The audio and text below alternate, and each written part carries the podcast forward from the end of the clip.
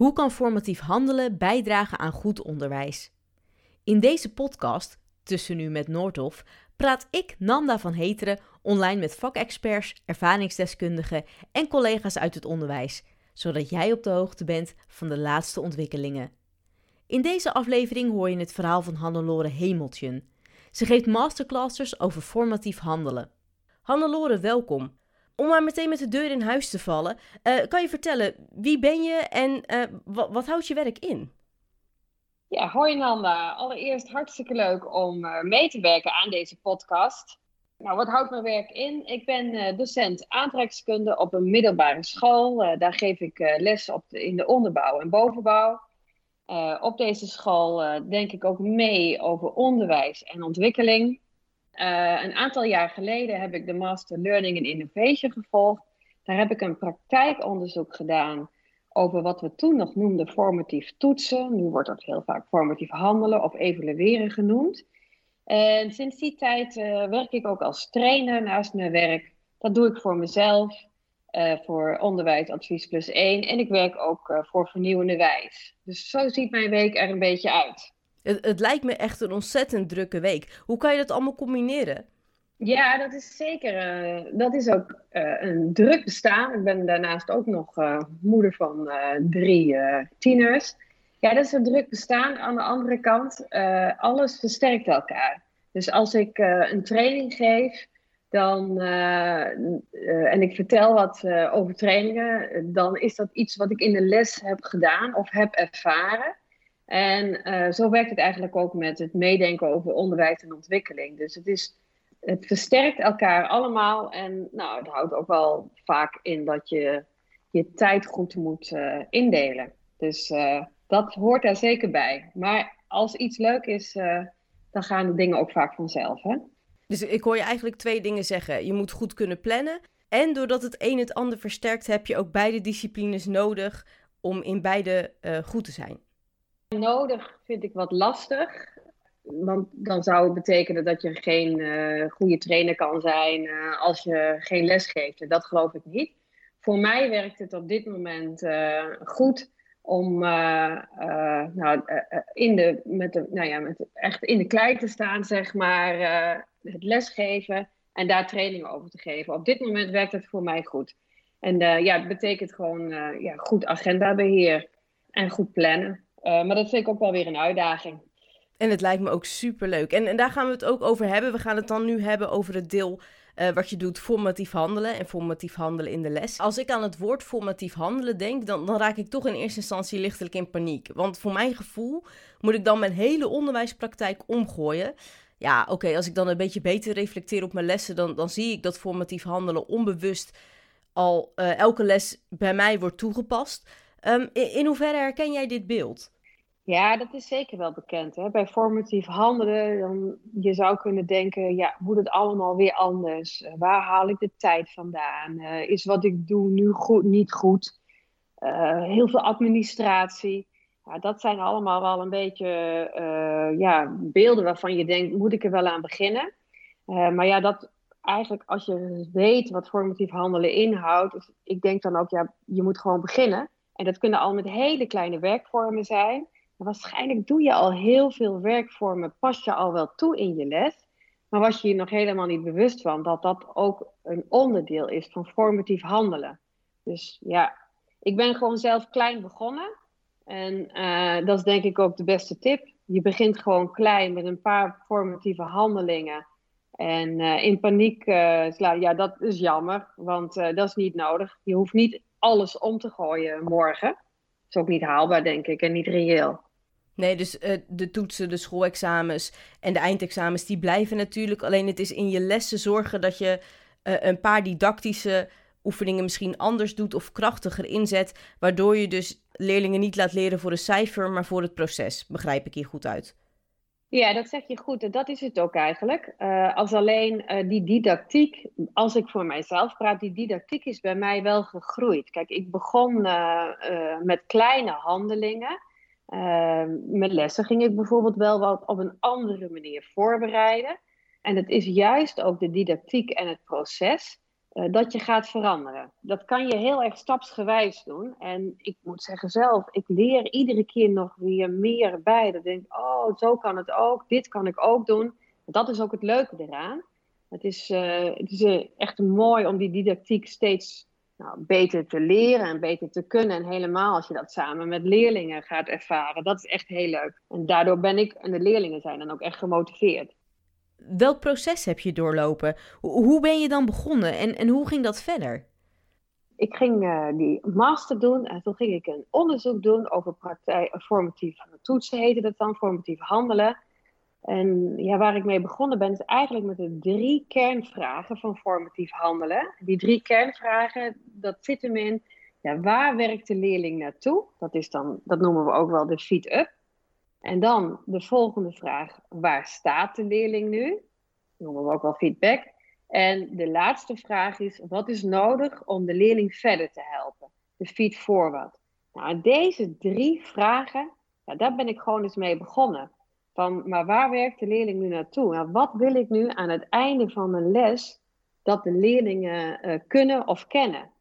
Alleen al die vraag, daarmee bezig zijn en dan uh, daarover nadenken. Zo ben ik bijvoorbeeld begonnen. Maar je kan ook uh, bij wijze van spreken beginnen met de tweede vraag. Waar staat de leerling? Waar staat de leerling? Dat je gewoon iedere les even een checkvraag doet. Hebben ze begrepen? Uh, wat ze, waarvan ik wil dat ze dat kunnen of kennen.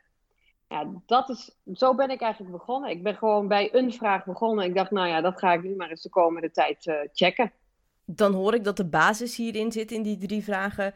Uh, vooral in een goede lesvoorbereiding zoals ik hem in 2006 tot 2010 op de lerarenopleiding heb ervaren. Als in je lesdoelen, onderwijs-leergesprek en aan het einde uh, nog een afsluitend rondje van, nou, wat hebben we nu besproken? Dat een leerling dat vertelt. Wat is hier de kern van en wat gaan we de volgende keer doen? Dan heb je al een groot deel blijkbaar ondervangen. Ja en nee. Kijk, zo'n zo'n lesplan, uh, zoals wij hem waarschijnlijk allemaal hebben geleerd op de leraaropleiding, die is echt wel heel nuttig. Uh, maar dit gaat veel meer over het, niet over het lesplan, maar over de didactiek van wat je uit wil leggen. Dus waar werkt de leerling naartoe? Dat is het lesdoel. Nou, die is gelijk aan wat jij uh, voor ogen hebt. Maar het kan bijvoorbeeld ook bij een lesplan zijn dat je iets wil bespreken hoe de leerlingen zich voelen enzovoort. Nou, bij formatief handelen heb ik het even over het leergedeelte van aantrekkskunde. Even denken, een voorbeeld over kwalitatieve en kwantitatieve honger. Nou, de leerlingen moeten dat, die twee begrippen kunnen benoemen en het verschil kunnen benoemen. En ze moeten bijvoorbeeld voorbeelden kunnen geven. Nou, dat zijn al best veel dingen die ze moeten kunnen. Uh, en als ik wil dat ze er voorbeelden bij geven, of ik wil dat ze het herkennen, dat is echt waar ik nadenk. Maar wat moeten ze kunnen met die twee begrippen? En als je het dan hebt over waar staat de leerling nu, jij had het over het onderwijs-leergesprek. Ja, je kunt met elkaar het samen hebben over die twee verschillende soorten honger. Maar bij waar staat de leerling nu, is het ook bijvoorbeeld om te checken dat wat ik heb uitgelegd, hebben ze dat allemaal begrepen. En dat is dan echt bij formatief handelen. Zorg je dat alle leerlingen actief meedoen. Dus je bespreekt het bijvoorbeeld in een onderwijs-leergesprek. En dan ga je checken, dat kan op allerlei manieren, dat je bijvoorbeeld een foto, en dan moet iedereen aangeven met een wisselbordje bijvoorbeeld, is dit kwalitatieve of kwantitatieve honger? Op dat moment check je of ze begrepen hebben uh, wat je hebt uitgelegd. En daarna ga je kijken als de helft het nog niet goed heeft. En dat is dus geen nakijkwerk, want dat, dat zie je dus in één oogopslag. Wat is dan nodig om die leerling nog verder te helpen? Dus je maakt hem eigenlijk heel klein. Dat zit allemaal nog, voor mijn gevoel, in het stukje instructie. En daarna heb je nog bijvoorbeeld weer verwerking. En daarna kan je die les natuurlijk prima afsluiten en nog weer terugkomen op kwalitatieve en kwantitatieve honger. Maar het, is, uh, het zit hem echt in die didactiek. Dus hij is wel iets wat anders dan een lesplan. Ik weet niet of, of ik het een beetje helder uitleg zou. Zeker, en ik zie vooral ook de meerwaarde in dat je in één vraag en met één antwoord de hele groep uh, direct kan zien van uh, wie heeft dit door en wie snapt het nog niet. Doordat ze individueel ja. moeten antwoorden en jij even door de klas kan kijken om te kijken hoe ver, uh, in, in, hoeverre leerlingen het wel en nog niet begrepen hebben. En daarop je uitleg kan baseren. En wat je zegt ook in die didactiek. Um, waarom zouden alle docenten dit in hun lessen moeten uitvoeren? Nou, weet je, als docent wil je gewoon graag dat alle leerlingen iets leren. En bij formatief handelen zijn er eigenlijk, ja, uh, uh, Dylan William, dat is uh, een, nou ja, een bekende onderwijskundige uit Groot-Brittannië. Groot-Brittannië is al heel ver met formatief assessment, wordt daar genoemd. En hij geeft eigenlijk aan, ja, er zijn eigenlijk twee manieren van pedagogisch handelen. Het zicht hebben op alle leerlingen, dus zorg dat iedereen actief meedoet en de reacties van leerlingen gebruiken om beslissingen te nemen voor verdere stappen. Nou, als je zorgt dat alle leerlingen meedoen, je wil gewoon dat je, je leerling leert. En als je dus een actieve werkvorm hebt waarin iedereen nadenkt en meedoet, en jij hebt dat dan heel snel, dat beeld, uh, ja, dan, dan weet jij ook wat jij nog moet doen als docent, zodat alle leerlingen ook datgene leren wat jij graag wil. Nou, waarom wil je dit je les uitvoeren? Omdat je graag wil dat alle leerlingen datgene kunnen waar, waar jij naartoe werkt met hen. Dus dat is voor mij al genoeg dat ik denk, joh, uh, dit, zou je, dit werkt, dit zou, je, zou, iedereen, uh, nou, zou ik iedereen aanbevelen.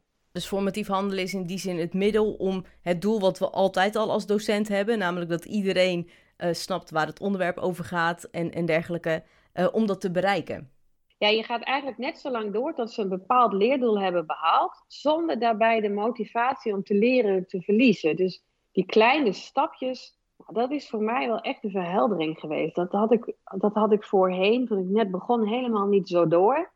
Dan pakte ik dat veel groter aan, die veel grotere cyclus, zeg maar, van leren. Dus dan ging ik uh, checken over hele stukken tekst voorafgaand aan de summatieve toets. Nou, daar ben ik nu wel, dat doe ik nu nog wel. Maar daar ben ik wel, ik doe daarvoor ook heel veel kleine handelingen. En dat is echt dat formatieve handelen, wat je iedere les als het ware toepast. Hoe ziet jouw curriculum dan, in dit geval voor aardrijkskunde, ik neem aan een tweeuursvak in de onderbouw. Hoe, hoe ziet dat eruit dan? Ja, wat bedoel je met het curriculum? Nou, uh, daar staat natuurlijk in van um, uh, deze onderwerpen gaan we bespreken en deze toetsen worden op deze manier, of deze onderwerpen worden op deze manier getoetst. Zoveel toetsen als in summatieve toetsen, uh, zoveel praktische opdrachten, zoveel dingen. hoe, hoe moet ik het voor, voor me zien? Nou, wat je, kijk, ik werk met de methode buitenland, maar daarnaast hou ik ook de kerndoelen uh, vast van het voortgezet onderwijs, hè, de, waar we aan moeten voldoen. Want dat boek is heel mooi, maar het is ook heel veel. Dus ik kijk altijd wel van, maar wat moet ik echt voor een doorlopende leerlijn gedaan hebben? Nou, dat doe ik samen met uh, mijn collega in de sectie. Dus welke onderdelen behandel ik? En daar haal ik die leerdoelen uit. Die kan je ook heel goed weer van het SLO halen. Die leerdoelen uh, die voor het VO eh, eigenlijk wat moet behandeld worden. En dan gaan we samen kijken van, uh, nou, hoeveel summatieve toetsen geven we? Wat is echt voor ons belangrijk als bewijs van leren? En daarnaast gaan we, ben ik heel veel formatief aan het handelen. En na verloop van tijd, daar ben ik niet mee begonnen, maar na verloop van tijd ben ik eigenlijk die kleinere toetsen, die uh, SO'tjes, die, ben ik echt, die gaan er nu uit.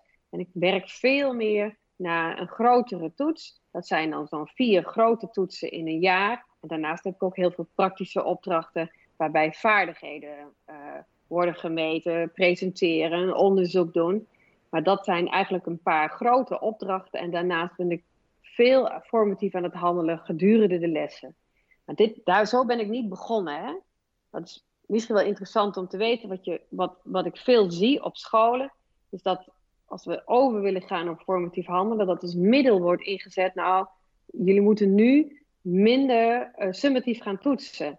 Ja, daar zou ik wel een beetje van in paniek slaan. Want ik was uh, een paar jaar geleden nog niet in staat om met de leerlingen naar die cultuur te gaan. Dat, dat moet echt wel groeien. En na verloop van tijd heb ik nu die cultuur en mijn didactiek zo ontwikkeld dat me dat lukt. Maar dat heeft wel daar is wel een paar jaar overheen gegaan. Dus ja, dat is echt wel iets. Ik denk van, begin niet met minder toetsen als summatief. Maar ga gewoon eerst inzetten op die didactiek. En dan van daaruit gaat dat groeien. Dan wordt het eigenlijk een logisch proces. Dat je steeds minder summatief toetst. Dus de werkvormen die je hebt actiever maken en daar naar je didactiek goed grondig kijken en dat langzamerhand uitbouwen en vooral jezelf ook de tijd gunnen. Dus. Ja, dat is wel heel goed wat je zegt. Gun jezelf de tijd en uh, ga begin bij één klas. Ik zeg wel eens als ik trainingen geef, ga dit gewoon doen in een klas waar alles lekker loopt. Uh, en probeer het uit. Dan ga je zien dat door al, omdat je alle leerlingen actief uh, mee laat doen, uh, dat er heel veel andere, en dat is, ook, dat is ook heel leuk, want dan heb je heel veel andere problemen minder. En als je er tegenop ziet, wat, me, wat ik me best voor kan stellen, want je moet namelijk iets veranderen, ja, dan kun je heel goed beginnen bij één klas waarvan jij denkt, oh hier voel ik me lekker en als het even misgaat, dan geeft het eigenlijk helemaal niks. En als je dat al gaat, dan ga je dat uitbouwen. Zo heb ik het eigenlijk gedaan. Je hebt het een aantal keer al zijdelings benoemd, hè, dat je het had over leren. Maar wat is dat dan precies? Ja, dat is een mooie, want uh, ik vraag dat ook wel eens bij trainingen uh, om, als eerste vraag, hè, wat is leren? Uh, wat, waar sta je onder leren? En dat is wel, ik moest daar zelf ook weer heel erg over nadenken, maar wanneer is er sprake van leren? Nou, en als je het hebt over, nou, ik noem even een definitie niet van mezelf hoor, maar van Weinstein en Sumeraki. Dat is bijvoorbeeld dat er wordt gezegd, er is pas sprake van leren als bij leerlingen kennis en vaardigheden zijn verankerd in het lange termijn geheugen. Nou, en dat lange termijn geheugen, dat is het uh, geheugen dat onbeperkt is. En als je iets bijvoorbeeld in de les bespreekt en kinderen onthouden het, uh, of jij bent ergens mee bezig, dan zit het in het werkgeheugen. En dat werkgeheugen is heel beperkt. En dat kunnen maar zes dingen uit bestaan. En dan gaan ze naar een volgende les. En bijvoorbeeld drie dagen later heb je ze weer in de les. Ja, dan is de kans heel groot dat het uh, weg is uit het werkgeheugen. En dan uh, hoop je dat het in het lange termijn geheugen is. En door bij formatief handelen ga je het heel vaak herhalen en korte testjes doen. En dan komt het in het lange termijn geheugen. En bij het lange termijn geheugen, ja, dan gaat het er eigenlijk niet meer uit. Het is een beetje hetzelfde wat jij de tafels hebt geleerd. En de tafels uh, kan je ook toepassen in nieuwe situaties. Hè, misschien dat jij nu in je werk iets moet doen wat je vroeger hebt geleerd. Nou, dat gaat allemaal probleemloos. Uh, spelling wat je vroeger hebt geleerd. Ja, het is de bedoeling dat je dat nu in jouw werk kan toepassen. En dat, dat is uh, als het in het lange termijn geheugen is, dan kan je dat leren eigenlijk toepassen in allerlei nieuwe situaties. Nou, dat is eigenlijk, dat is in feite leren, als het in het lange termijn geheugen is verankerd. In hoeverre draagt formatief handelen bij aan leren? Nou, uh, omdat je bij formatief handelen echt bezig bent met een effectieve didactiek, uh, die ervoor zorgt dat leerlingen, dat het komt tot het lange termijn geheugen. dus dat, bij formatief handelen ga je dus uiteindelijk weg van die kleinere toetsjes. En ga je in, uh, is het, nou, zo'n summatieve toets is ook een logisch gevolg, omdat we met elkaar weten dat iedereen al zo ver is. Nou, dan heb je het echt over lange termijn geheugen, uh, zonder een avond van tevoren als een gek te blokken dat, dat, dat cramming, dat heb ik vroeger natuurlijk ook gedaan en heel veel daarvan ben ik weer vergeten.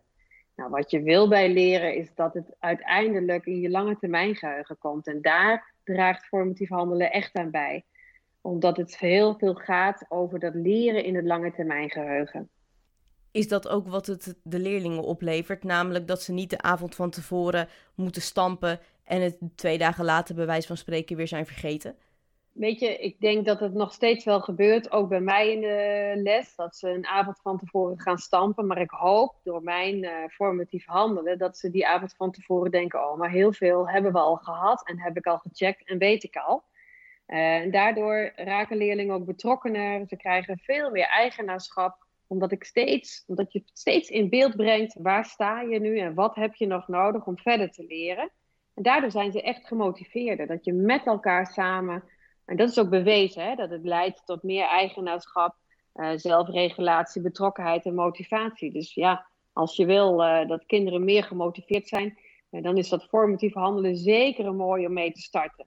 En het is een effectieve leerstrategie, het testeffect, hè, dat je vaak test, zelfs zonder dus feedback, dus zonder dat jij het allemaal gaat nakijken. Maar het feit dat de leerlingen zich steeds weer iets moeten herinneren, ja, dat werkt ook al voor het lange termijn geheugen. En dat zit ook in die didactiek. Nu hoor ik je een aantal dingen zeggen, natuurlijk logisch gezien me vragen wat het de leerlingen oplevert. Wat levert de docent concreet op? Nou, allereerst natuurlijk, hè, waartoe uh, geef je onderwijs? Hè? Dat kan zijn omdat je het heel leuk vindt om met leerlingen om te gaan. Nou, dat is natuurlijk altijd een voorwaarde. Maar je bent er ook om leerlingen iets te leren. En je ziet echt dat, dat je samen in beeld krijgt dat leerlingen het leren gaan beheersen.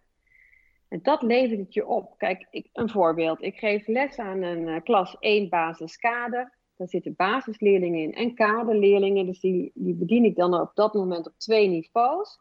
Uh, nou, ik had het bijvoorbeeld nu over uh, noordenbreedte, zuidenbreedte. En dat is een belangrijke voorwaarde dat ze weten wat noordenbreedte is, uh, omdat ze dan de klimaten moeten kennen op hoge breedte. En ze moeten bijvoorbeeld de klimaatgrafiek af kunnen lezen.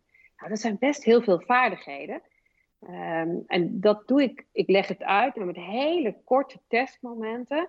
Dat doe ik met tools, digitale tools. Dat kan lesson-up zijn, dat kan van alles zijn, uh, quizzes. Maar het kan ook met wispotjes zijn, als ik ze even analoog in de klas mag hebben. Uh, en dan stel ik één vraag. Uh, toen moet bijvoorbeeld, ik geef een, een, plaats op de wereldbol aan en zeg ik, is het noorden of zuidenbreedte? Of is het op hoge of op lage breedte? En dan ga ik net zo lang mee door, totdat alle leerlingen het goede antwoord hebben. En dan moet je natuurlijk een beetje variëren in die vragen.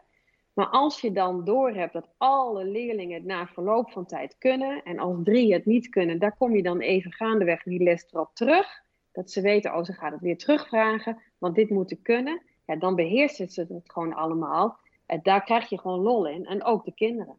Hè? Dus ja, wat levert het je op? Ja, gemotiveerdheid uh, bij de leerlingen. En jij ook, want je hebt door, hé, hey, het werkt. Mijn didactiek zorgt ervoor dat iedereen het nu begrijpt. Ja, dat is gewoon heel leuk. Betekent dat dan ook dat je net zo lang moet wachten in bijvoorbeeld die quiz totdat iedereen het snapt? Of denk je bij die drie leerlingen, uh, zeker met twee verschillende niveaus, kan ik me heel goed voorstellen dat niet alle leerlingen het tegelijk doorhebben. In de volgende oefening uh, grijp ik bij jullie nog een keer extra terug? Of vraag ik het nog een keer? Of help ik je nog een keer? Hoe moet ik het voor me zien? Ja, dat is wel mooi wat je zegt. Want soms dan leg ik iets uit en dan ga ik direct al uh, drie vragen stellen om te checken of ze het begrepen hebben. Dat is natuurlijk veel te snel, maar iedereen wordt actief. Maar iedereen denkt, oké, hoe zit dat? En dat is ook een stukje cultuur, dat als leerlingen gaan zich in de eerste instantie verontschuldigen dat ze het fout hebben, zeg, ja, maar dat hoeft helemaal niet. Want het is heel logisch dat je het nog niet helemaal begrijpt. Hè? Van fouten leer je eigenlijk fouten maken mag. Dat is denk ik de kern van formatief handelen. Dus ik begin daar al snel mee. En ik kan bijvoorbeeld uh, uh, na een week check ik het. En als dan drie leerlingen het nog niet goed begrijpen, uh, die, hou, die kijk, dat zie ik dan. En zodra de verwerking begint, ga ik nog even naar die drie leerlingen toe en herhaal ik het. En over die twee niveaus, ik zeg heel vaak bij basis, dit is voor kader, basis, doe gewoon mee. Hè? En dan zie je eigenlijk ook dat het hun weer motiveert, van kan ik dit? Het is heel leuk om te zien dat leerlingen dan uh, voor het vak aardrijkskunde in één keer ook mee kunnen komen op kader. Dus ik ga dan heel vaak uit van de vragen van het hoogste niveau. En bij basis noem ik wel, dit hoef je niet te kunnen. En drie weken, ik begin nu bijvoorbeeld na de vakantie, begin ik weer met kort herhalen van een aantal vragen. Die vragen, als het hebt over waar zit mijn voorbereiding. Mijn voorbereiding zit hem in het nadenken over goede vragen. Uh, maar die, die pas ik vaak toe. Net zolang tot ze allemaal begrijpen, wat noordenbreedte, zuidenbreedte is. En daarna kan ik natuurlijk daarop doorgaan. Maar veel herhalen, veel testen, dat houdt eigenlijk in uh, dat de kinderen steeds actief moeten zijn. Als je je les begint met drie checkvragen, nou, dan heb je ze allemaal op aan. Terugkomend op je, jouw brugklas basiskader. Stel, ik neem aan dat er uh, de mensen die luisteren naar deze podcast mensen zijn die geïnteresseerd zijn in het voortgezet onderwijs en mogelijk daar ook in werken. Uh, stel, zij hebben voor hun neus diezelfde brugklas basiskader voor, voor hun vak. En die staan dan aan uh, de avond van een nieuw hoofdstuk. Hoe zouden zij dan formatief handelen mooi in hun lessen kunnen gaan integreren? Nogmaals, ze staan aan het begin van formatief handelen. Ja, als je aan het begin staat van formatief handelen, dan zou ik eerst even kijken naar die drie vragen. die drie kernvragen wat ik noemde. Hè? Waar werk je naartoe? Waar staat de leerling nu? En wat is nodig om die leerling verder te helpen? En dan zou ik, als ik zou beginnen, me focussen op één van die onderdelen. Hè, je kan, uh, waar ga ik me op focussen? Ga ik bijvoorbeeld is iedere les een vraag bedenken waarin ik check of de leerlingen begrepen hebben wat ik wil dat ze kunnen. En die vragen, die moet je gewoon goed bewaren, ook voor volgende leerjaren. Dat, dat heb ik echt geleerd alles wat ik ontwikkel, kan ik weer terugvinden. Uh, en dat, dat bewaar ik, zeg maar. En het is ook handig om goed te kijken naar tools uh, waarbij je van elkaar, collega's van elkaar vragen kunnen. En Lesson Up, als je daar uh, je, je op inlogt, kun je andermans vragen gebruiken. Dus dat is het eerste. Ehm, begin klein en maak eens bijvoorbeeld van iedere les een checkvraag. bij iedere les. En dat is echt een mooi begin. En zo ben ik eigenlijk ook begonnen. En later ben ik, gek genoeg, misschien had ik dat niet, heb ik dat niet goed gedaan, veel meer gaan nadenken over, oh, maar wat wil ik nu eigenlijk? Waar werk ik naartoe? Maar door een goede vraag te bedenken, ga je ook heel goed nadenken, waar werk ik naartoe? Je kan ook beginnen met uh, leerdoelen natuurlijk, hè? waar werk ik naartoe? Maar begin bij één en ga die uitwerken. Zo ben ik eigenlijk begonnen. Korte checkvragen. Je had het over collega's, dat je ook wel eens het een en ander uitwisselt. Nu ben jij natuurlijk gespecialiseerd in formatief handelen. Kunnen collega's daarin ook uh, goed meekomen? Als in, zien jouw lessen er heel anders uit dan die van je aardrijkskunde collega met een parallelklas bijvoorbeeld? Nou, in feite bespreken wij hetzelfde hoofdstuk, uh, de, dezelfde onderwerpen en we werken naar dezelfde manier, dezelfde lesdoelen, de leerdoelen. Ik kan mij wel voorstellen dat, uh, nou, wij hebben dus nu binnen de sectie wel afgesproken dat wij minder summatief gaan toetsen. Dat, dat is wel een afspraak die je sectie breed natuurlijk maakt. Dat is ook echt een proces. Ik denk dat ik in mijn didactiek anders lesgeef. Maar ja, dat zijn leerlingen eigenlijk ook wel gewend natuurlijk op een middelbare school, dat iedere docent weer anders lesgeeft. Maar ze kennen de werkvormen wel van collega's. Hè? Oh, dat doen we ook bij die. Oh, dat doen we ook bij die. Dus die herkenning, ja, hoe meer je een formatieve cultuur ontwikkelt op een school, hoe, beter, hoe sneller het gaat eigenlijk dat leerlingen niet meer leren alleen voor een cijfer. Dus het is wel heel gaaf als je een hele school daarin mee kan nemen. Het is geen voorwaarde, maar het, is wel, het gaat wel sneller. Maar jij kan morgen beginnen met formatief handelen. Je hoeft niet te wachten tot de hele school zover is. In de digitale leeromgeving van Noordhof zitten veel oefeningen voor formatief evalueren. Hoe kun je deze effectief in je les inzetten? Ja, weet je, kijk, een werkvorm uh, wordt formatief als je die drie vragen, als je die cirkel rondmaakt. Hè? Dus ik, kan, ik ga nu wat dingen noemen, uh, maar dat wil nog niet zeggen dat je ze dan ook formatief inzet. Hè? Een voorbeeld is bijvoorbeeld dat, dat, dat hoor, hoor ik nog wel eens van, ja, maar ik geef een formatieve toets en die leerlingen leren niet. Uh, dus ja, dat heeft, dat heeft niet veel zin. Nee, dat snap ik ook, want als je nog geen formatieve cultuur hebt, zo ben ik namelijk ook begonnen. Ik gaf een formatieve toets en de helft leerde niet. Ik dacht, nou, wat heeft dit voor zin? Ja, maar ik was ook nog niet formatief aan het handelen. Dus ik ga wat. Kijk, ik bijvoorbeeld uh, een hele mooie is bij een formatieve werkvorm, is wat ik echt bij corona heb ontdekt, is de online werkboekopgave. Want door corona moest ik natuurlijk al mijn leerlingen in één keer op afstand bedienen. En ik kon helemaal niet meer voelen waar staan we. Dus ik, ik ging online lessen geven. En toen zei ik, nou ga de werkopgave uh, opgave online maken. Nou, dat hebben ze allemaal uh, gedaan. Dat was even wennen, maar daar raakten we allemaal aan gewend. En op dat moment kon ik, dat is natuurlijk de verwerking van wat je wil dat ze kunnen. En ik kan in één oogopslag nu zien in het dashboard, maar waar staat de leerling en bij welke vraag uh, hebben, hebben we op klassikaal niveau, is er heel slecht gescoord. Nou, dat kan zijn omdat de vraag niet goed begrepen is, maar het kan ook heel goed zijn dat ze nog niet goed weten wat het inhoudt. Dus waar staat de leerling? Nou, de verwerkingsopdrachten kun je heel goed in één oogopslag online zien. Waar staat de leerling? Dus dan ga ik niet alle leervragen bespreken, maar alleen die ene vraag waar de klas eigenlijk niet goed op scoort. En daar ga ik nog weer aandacht aan geven. Dus dat vind ik een hele mooie in de digitale leeromgeving. Nu heb je het misschien al concreet een aantal keer gezegd van je kan iedere vorm didactisch zo inzetten dat het een formatieve werkvorm wordt. Maar ik ben dan toch benieuwd, welke formatieve werkvormen komen er nou als eerste bij jou op? Nou, bij mij komen als eerste formatieve werkvormen op waarbij je alle leerlingen actief uh, bevraagt, dat iedereen actief meedenkt. Nou, dat is bijvoorbeeld bij het online werkboek opgave maken. Iedereen moet meedoen, want ik kan online zien dat uh, iedereen het heeft gemaakt en zelfs hoe lang die daarmee bezig is geweest. Nou, dat is dan een hele mooie online werkvorm. Uh, of een activerende werkvorm die je nou ja, ook online kan toepassen. Een andere werkvorm is bijvoorbeeld het werken met de wisbordjes, noemde ik net ook al. Die wisbordjes, ja, die kan je aanschaffen, maar je kan ook heel goed zelf wat papiertjes in een plastic hoesje doen en die uitdelen bij de leerling. Een andere mooie die ik echt heel praktisch vind, met weinig voorbereidingstijd, dat is alleen dat je weer na moet denken over de vragen, is een exit ticket. Geef iedere leerling aan het einde van de les een post-it. Exit ticket kun je trouwens ook online doen. Maar geef iedere leerling een post-it, laat ze de naam opschrijven. En datgene wat je behandeld hebt, uh, dat check je met, met één vraag. En uh, die vraag zet je op het bord. En die moeten ze allemaal beantwoorden. Aan het einde van de les heb je heel snel bijvoorbeeld twee groepen. De groep die het uh, heeft begrepen en de groep die nog niet zo ver is.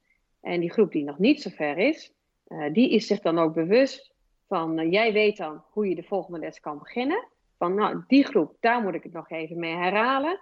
En aan de andere kant, wat ik heb gemerkt, is heel leuk, als je dit soort dingen doet, dat een leerling bij het opletten denkt, oh, ze gaat natuurlijk straks nog wel weer een vraag stellen. Ik moet wel even opletten. En dit, uh, dit zijn mooie werkvormen uh, waarmee, ja, die je snel in kan zetten. En, en ook in iedere fase van de les en in iedere fase van het hoofdstuk toepasbaar, begrijp ik. Ja, inderdaad. Je kan je kan natuurlijk een, een exit-ticket doen. Je kan ook een entree-ticket doen. Hè? Je, je komt, ze komen binnen, er staat een vraag op het bord. We moeten een exit-ticket uh, dus op een post-it inleveren. Uh, dat moeten ze invullen. Nou, dat is de eerste vraag. Jij loopt langs de tafels, die neem je in, je bekijkt ze. Je gaat ze op dat moment bijvoorbeeld even aan het bord hangen. Waar, waar zit welke groep? En uh, terwijl je dat doet, laat je leerlingen even drie opdrachten van een werkboek maken, ik noem maar wat. En dan heb jij even tijdens de les de tijd. En dan zeg je, nou, dit was het goede antwoord. Leerlingen weten dan precies, dit had ik wel, dit had ik niet. En met die groep die nog niet zo ver is, daar ga je kort even wat mee doen. Dus je kan dit op alle fasen doen. Je kan beginnen, je kan eindigen, je kan het halverwege de les doen. En er zit volgens mij ook alles in. Er zit differentiëren in, uh, afwisseling zit erin. En uh, dat leerlingen vooral inderdaad het eigenaarschap en op een leuke manier zelf krachtig aan de slag zijn met de lesstof. Ja, dat klopt. He, je, je, ze komen binnen, uh, ze zijn direct allemaal op aan. Nou, een ander voorbeeld is het, uh, bijvoorbeeld het activeren van voorkennis. Hè? Want ik zei al, hè, formatief handelen gaat ook heel erg over de didactiek van leren. Nou, leren begint bij wat je al weet. Dus een, een hele mooie vraag, dat kan je digitaal doen met zo'n woordwolk hè, dat zijn heel veel tools voor, uh, is gewoon de eerste vraag: wat weet je al over? Of waar denk je aan bij? Uh, laat een foto zien. En wat, wat noemen wat zien ze allemaal? Nou, als je dat in een woordwolk, nou, dat is ook alweer bij alles wat ze weten, op dat moment ben je alweer bezig met formatief handelen, want het gaat over een effectieve didactiek. We staan nu aan de vooravond van de sportzomer, met onder meer de Olympische en Paralympische Spelen. Nou, ervaring leert dat sporters pas later terugkijken op het proces en dat het op het toernooi alleen maar gaat om goud. Hoe kunnen wij leerlingen leren, in een wereld dus waarin presteren en resultaten boeken hoog staan, uh, dat het ook gaat om dat proces? Ja, dat is wel een interessante vraag. Want ik denk zelf dat een sporter uh, als je echt Olympisch goud gaat winnen, dat kan alleen als je heel veel inzet op het proces. Je, je zonder een, uh, uh, veel uh, inspanning te leveren voor het proces, kom je nooit, word je gewoon geen topsporter. En nou hoef je natuurlijk voor het leren geen top leerder te worden, zeg maar, topleerling te worden. Maar een goed proces is wel nodig voor een goed product. En een gemiddelde leerling zit daar natuurlijk helemaal niet op te wachten. Die denkt, hou op zeg, ik leer het een avond van tevoren wel en ik ben er klaar mee. Maar dat proces, als je met dat formatief handelen uh, leerlingen steeds laat inzien waar sta je. Want als een leerling inziet waar die staat, uh, dat zijn daar twee signalen. Je ziet in de klas waar staat de leerling. Dan weet ik als docent waar sta ik, wat heb ik nog te doen. Maar nog veel belangrijker misschien wel, en dat zit hem ook in die zelfregulatie van die leerling, dat die leerling zelf doorheeft waar sta ik. Dat, een leerling uh, bewust onbekwaam nog is in iets. En zodra je dat bewustwording kan maken dat je nog niet zo ver bent dat je de leerstof beheert, ja, dan gaat er natuurlijk iets aan op, maar wat moet ik dan doen om verder te komen? Dus met formatief handelen ben je heel erg bezig leerlingen na te laten denken over wat is er nodig voor het proces om tot een goed product te komen. Dus in die zin uh, denk ik dat een topsporter heel, zich heel bewust is. Ja, een topsporter zal bijvoorbeeld een getraind worden uh, op het proces. Dat doet natuurlijk een trainer. Nou, dat doe jij als docent ook. Je helpt en begeleidt ze mee in het proces. Laten we dan in het begin van dat proces staan. Want uh, docenten die gaan beginnen nu met bewust formatief handelen, uh, die leerlingen beginnen daar ook bewust mee dan nu. Hoe motiveer je ze dan in dat eerste stadium van het gaat nu even niet om je cijfer, het gaat om het proces. Iets wat ze nog niet kennen of niet bewust kennen. Ja, dus dat is, best, dat is echt even heel lastig. Want je gemiddelde leerling gaat, ik zeg wel eens, een beetje wegduiken van ik had het nog niet geleerd. Of uh, nou, wat is dit nu? Waar, ik mee begonnen ben is, ik heb alle leerlingen ging ik actief vragen. Uh, met wisbordjes.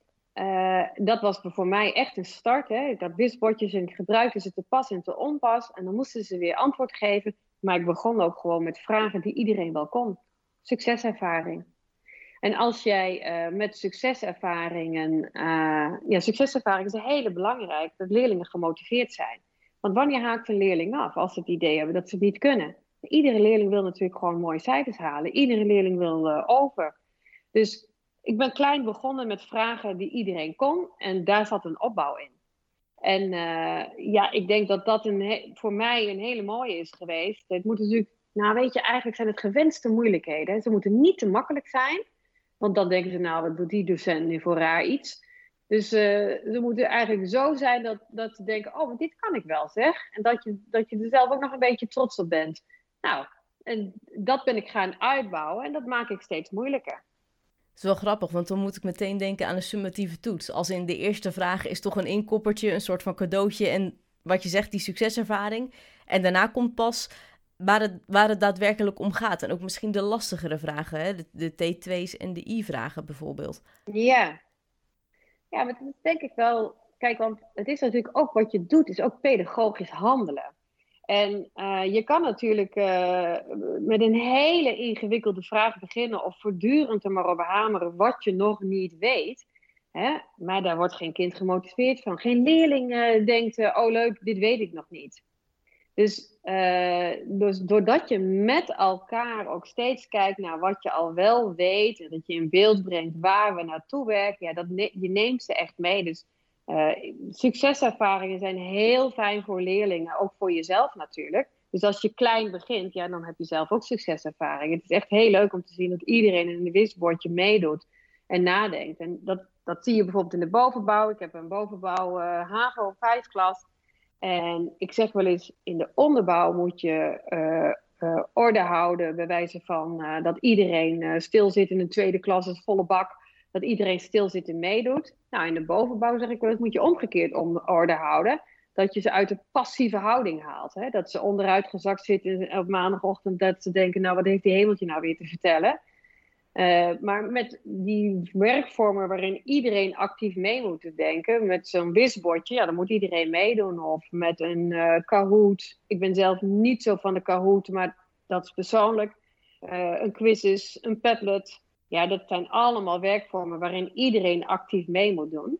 En, uh, uh, en dat motiveert echt, zeker als dan blijkt dat ze dingen kunnen. Dat is wel grappig, want ik herken hier ook heel duidelijk een beeld in bij bijvoorbeeld mijn leerlingen. In welke zin? Nou, wat je zegt met het omgekeerd uh, motiveren en hoe je ze kan prikkelen. Ja, want dat, in de bovenbouw is het echt nou, is echt een andere manier. Hè? Uh, dan uh, gaan ze niet meer uh, uit zichzelf. ja, dat is trouwens wel een leuke met de vinger opsteken. Dat is wel ook nog eentje die ik van Dylan William. nou, echt een hele mooie tip. Is het vingers opsteken. Kijk, want wat je gewend bent. Nou, laat ik even voor mezelf. Hè, dan zit je in een best onrustige klas in die onderbouw. En het is heel veel. En de deur gaat open. En er gebeurt van alles. En je wilt wat uitleggen. En uh, nou, dan vraag, stel je een vraag in de klas en dan steekt één iemand de vinger op en dan denk je, haha, oh ja, die gaat even lekker het goede antwoord geven en door, opdat het maar loopt. Nou, dat, is, dat gebeurt mij soms, maar dat is niet zo'n goed voorbeeld van formatief handelen. Want bij formatief handelen, zeg dan maar, ik stel een vraag en de vingers mogen weg. Ik bepaal wie de antwoord geeft. En het mooie is daaraan uh, dat je Iedere leerling weet dus, ik kan gevraagd worden. En dus moet iedere leerling actief nadenken over de vraag. En dat is wel een mooie als je nou zegt, waar wil ik beginnen? Nou, iedere leerling mag best een vinger opsteken voor een vraag, maar niet om het antwoord te geven op mijn vraag. En het mooie is uh, dat je dan alle leerlingen activeert tot nadenken. Nou, daar heb je ook weer tools voor dat je verschillende leerlingen vraagt. Daar kun je van op, hè, dat je niet steeds dezelfde vraagt. Dat je de daar heb je bijvoorbeeld de leerling kiezen voor. Nou ja, dat kan je gebruiken. Maar het gaat erom, uh, zeker ook bij de bovenbouw, hè, dat je stelt een vraag en dan wordt het angstvallig stil. En er is er altijd één die dan, uh, om, uh, nou ja, om de sfeer dan maar goed te houden, toch maar antwoord gaat geven. Daar ben ik nu vanaf. Iedereen weet, ze vraagt iedereen en ik moet antwoord kunnen geven. Nu hebben we het in deze podcast gehad over tips voor formatief handelen als je aan de vooravond staat. Dus je zei klein beginnen, uh, de werkvormen die je gebruikt, zorgt ervoor dat die actief worden, dat je iedereen betrekt en uh, dat je dat op een leuke afwisselende manier doet. Dat is eigenlijk de kern van wat je zei. Maar hoe weet je nou aan het einde van je les dat jouw leerlingen baat hebben gehad bij formatief handelen? Ja, dat weet je gewoon dat alle leerlingen actief hebben meegedaan. Je hebt ze allemaal op aangezet. En uh, uh, ze voelen dat wat jij hen leert, dat jij hierop terugkomt. Dus ze zijn actief onderdeel uh, van de les. En daar hebben ze dan baat bij. En je ziet het ook in de checkmomenten. Je ziet dat ze terugkomen, dat ze gemotiveerd zijn, dat het doet wat ze doen, dat jij hen ziet. Dus daar hebben ze baat bij. En uiteindelijk en dat duurt, dat duurt een tijd, maar uiteindelijk uh, zijn ze daardoor ook gemotiveerder. Uh, ordeproblemen, ja, die worden echt, als je die mocht al zou hebben, uh, je gaat zien dat dat allemaal weggaat, omdat je ze allemaal activeert. Hannelore, dank je wel. Nou, graag gedaan. Ik hoop dat het inspireert bij mijn collega's. In de volgende aflevering hoor je Erik van Haren. Hij is wiskundepsycholoog. Voor nu bedankt voor het luisteren naar de podcast Tussen Nu met Noordhof. Wil je geen aflevering missen? Ga dan naar jouw favoriete podcast-app om de verhalen te luisteren en abonneer je op deze podcast. Ben je enthousiast geworden of wil je meer weten? Noordhof organiseert ook trainingen. Ga naar noordhof.nl/slash podcast voor meer informatie.